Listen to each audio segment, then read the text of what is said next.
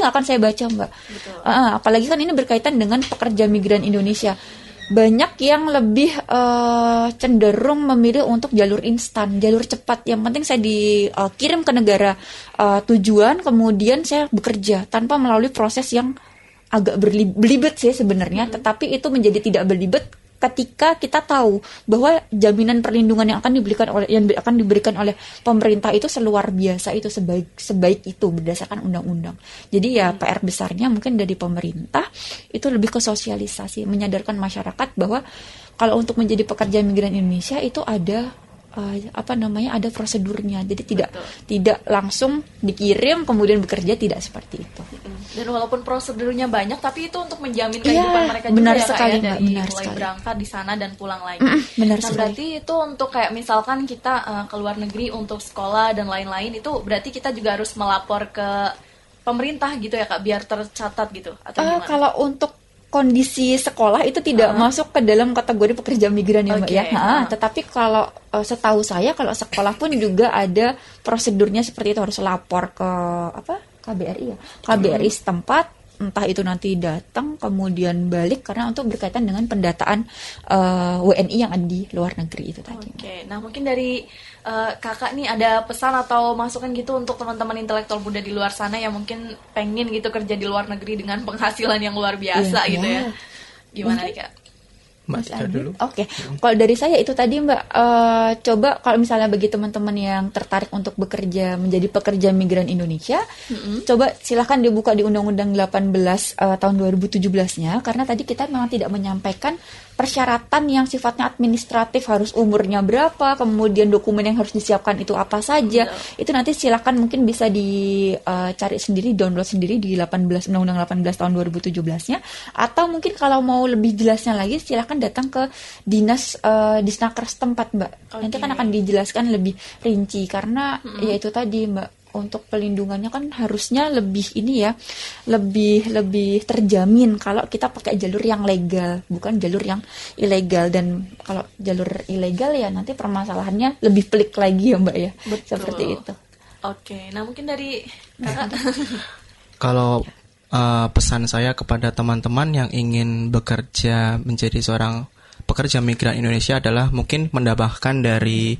uh, Kak Mustika Prabaningrum terkait selektif dalam memilih uh, perusahaan yang menyalurkan tenaga kerja tersebut ilegal atau tidak ilegal karena memang tidak dipungkiri pendapatan itu adalah nomor satu Betul. ketika mereka ingin ke sana tujuan mereka adalah gampang dan mendapatkan hasil yang memuaskan di sana. Cuman yang kita garis bawahi adalah ketika perusahaan penyaluran kerja itu tidak ilegal, mm-hmm. itu yang membuat uh, hal tersebut sangat mensulitkan ketika ingin keluar dari perusahaan tersebut dan ingin mencabut berkas karena banyak kasus yang ketika mereka terutama ketika mereka COVID kemarin. Mm-hmm. Saya ingin bercerita sedikit sebelum kita closing okay. uh, berkaitan dengan pencabutan berkas ini banyak perusahaan-perusahaan yang itu tidak ilegal, mereka menahan berkas dari para pekerja migran ini.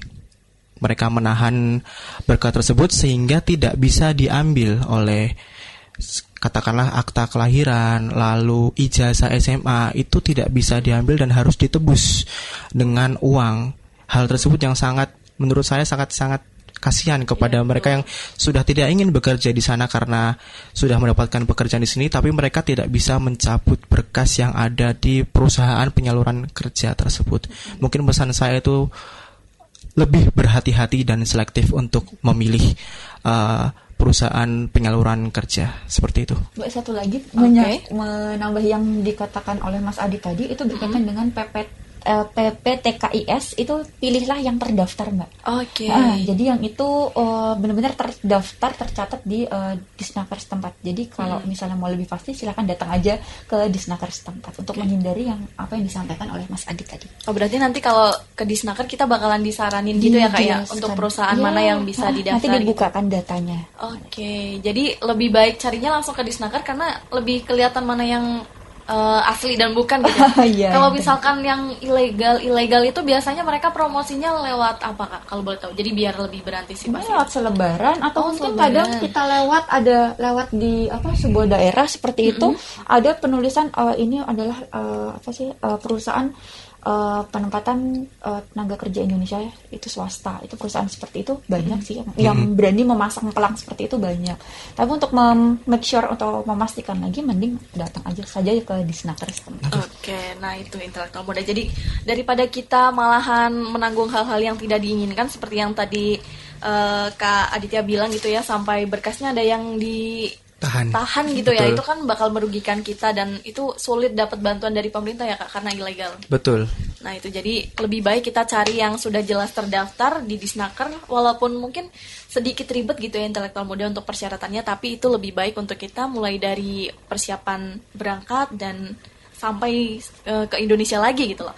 Nah, uh, terima kasih banget nih untuk Kak Mustika Prabanding Kusmawati dan Kak Aditya Negara untuk materinya hari ini benar-benar sangat uh, menginspirasi dan memberikan kita banyak ilmu nih intelektual muda karena mungkin banyak dari kita yang pengen kerja di luar negeri dengan penghasilan yang tentunya lebih tinggi ya gitu tapi tidak tahu persyaratannya malahan nanti uh, terjerumus ke hal-hal yang salah kayak perusahaan ilegal gitu sekali lagi terima kasih kak dan sehat selalu semoga kita Sama-sama. bisa bertemu lagi yeah. dengan materi yang luar biasa Nah, intelektual muda itu tadi uh, law and action yang kita bahas hari ini tentang uh, PMI gitu ya, pekerja migran Indonesia yang mungkin belum kamu tahu ataupun udah tahu tapi belum semuanya gitu.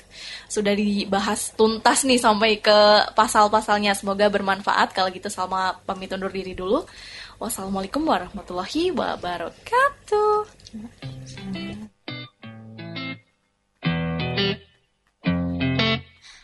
This discussion, talking about nothing you'd ever said to my face.